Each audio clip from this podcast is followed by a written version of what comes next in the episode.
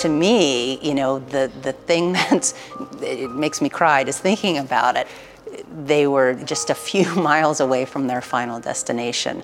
Can you imagine? 175 jaar geleden verliet een grote groep achterhoekers huis en haard om een nieuw bestaan op te bouwen in Amerika. Waren landarbeiders. En ze moesten zich doodwerken elke, elke dag weer om, om eten genoeg te hebben. Ja, en als mensen dan horen dat het eh, in Amerika gewoon vele malen beter is, dan kan ik het toch veel beter eh, aan de overkant proberen.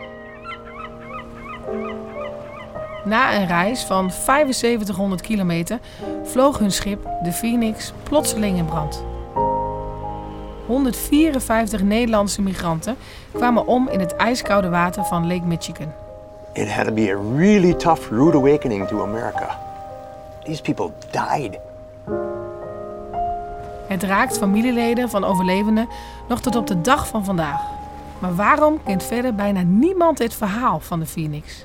Als ik dat zeg, de ramp met de Phoenix, zegt u dat wat? Nee, nee, helemaal niks. Ik zou het echt niet weten. Eh, Ik heb het ook nooit gehoord of geleerd op school eigenlijk. Nee. Stories get lost. Seeing as my grandma came out of here, it's like she lived through that. So, so maybe it's a good thing people keep this story going. So, because it did happen. Waarom liep de Achterhoek 175 jaar geleden leeg met mensen die hun heil zochten in Amerika? Hoe kon de ramp gebeuren? Zat de familie van mij op het schip en is het wrak ooit gevonden? In de podcast volg je mij, Joske Meerdink, in iets wat ik achteraf rustig het avontuur van mijn leven kan noemen. Ze gaat bijna. Ja, daar gaat ze. Daar gaat ze, daar gaat ze.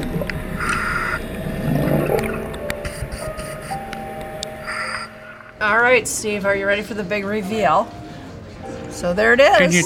Oh yeah. Your podcast made us take a good look at it, and now we know.